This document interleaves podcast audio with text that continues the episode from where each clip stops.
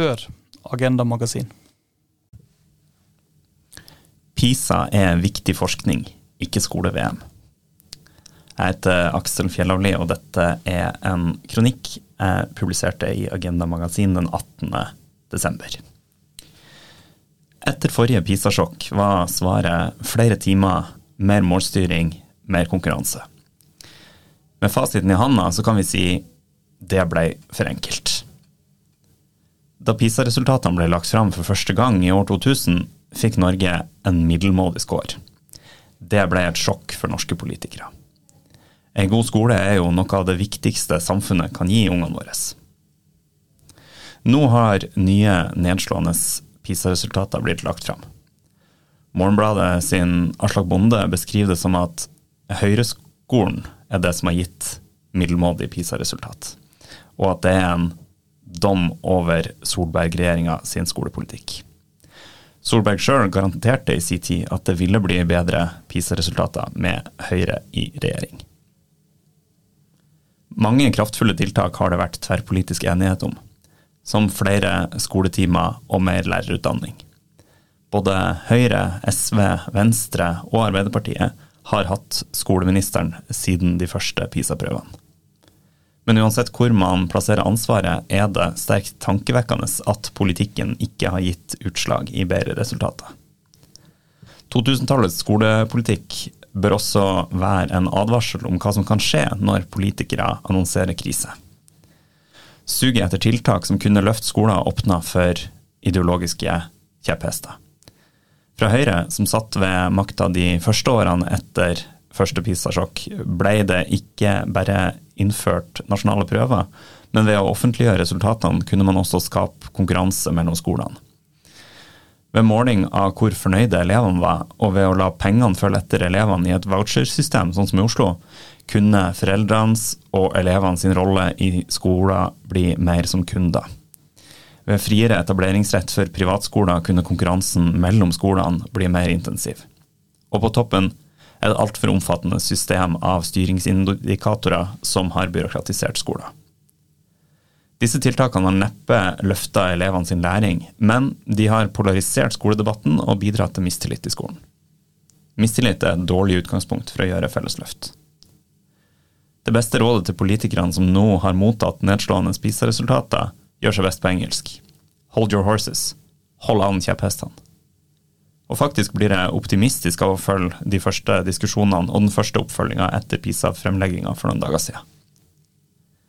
For det første fordi det er en større edruelighet rundt hva PISA-prøvene reelt sett kan vise om skolen. Tidligere har mange, og kanskje særlig partiet Høyre, opphøya PISA til selve fasiten om tilstanden i skolen.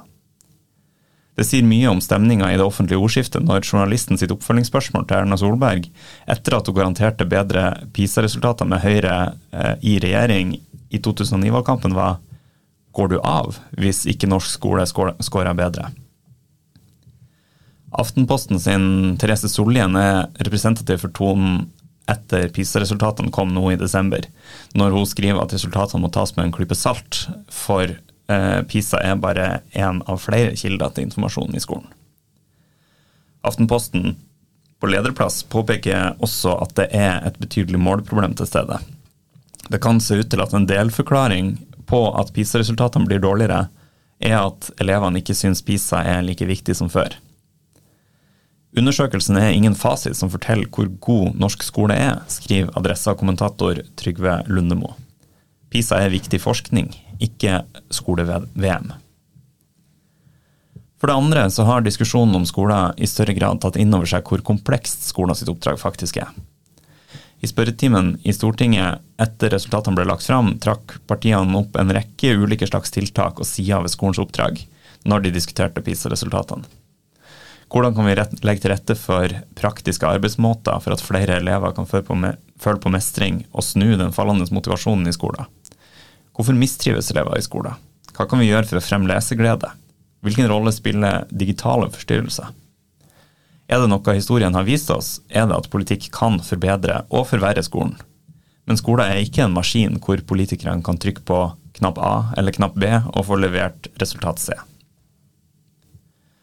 Og for det tredje så peker flere på at politikerne må spille på lag med skolen, heller enn å styre med mistillit som utgangspunkt. Mistillit til de som jobber der. Hør på lærerne, rektorene, foreldrene til de som ikke har klart seg gjennom skolen vår. Skriv Stavanger Aftenblad på lederplass. Målet må være å finne tiltakene som virker og gjør at skolepolitikken blir forutsigbar. Derfor er det også lovende at kunnskapsministeren sin umiddelbare reaksjon etter PISA-resultatene var å invitere lærerne sine organisasjoner til møte for å finne løsninger. Sammen. Det er å styre med utgangspunkt i tillit. 2000-tallet sin skolepolitikk bør være et varsko både til høyre og til venstre side. Krise innebærer en fare for politikere som tar for mye Møllers tran. Politikere som er blinde for ideologiske prosjekter, som i sum fort kan føre til dårlige politiske valg for skolen.